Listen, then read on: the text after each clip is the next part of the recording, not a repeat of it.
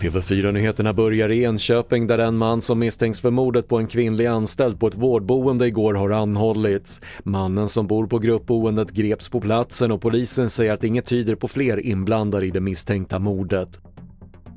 För andra natten i rad har Nordkorea avfyrat en robot. Den ska enligt japanska myndigheter ha landat i havet i Japans ekonomiska zon och samtidigt uppger sydkoreansk militär att det ska ha rört sig om en långdistansrobot.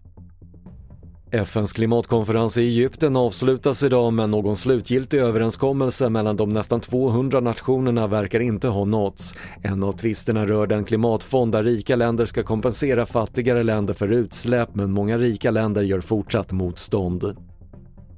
Och många väntas lämna Twitter efter Elon Musks ultimatum att jobba stenhårt eller sluta. Igår stängde Twitter hastigt sina kontor utan förklaring och de anställda portades fram till måndag och Business Insider skriver att mindre än hälften av de anställda väntas stanna.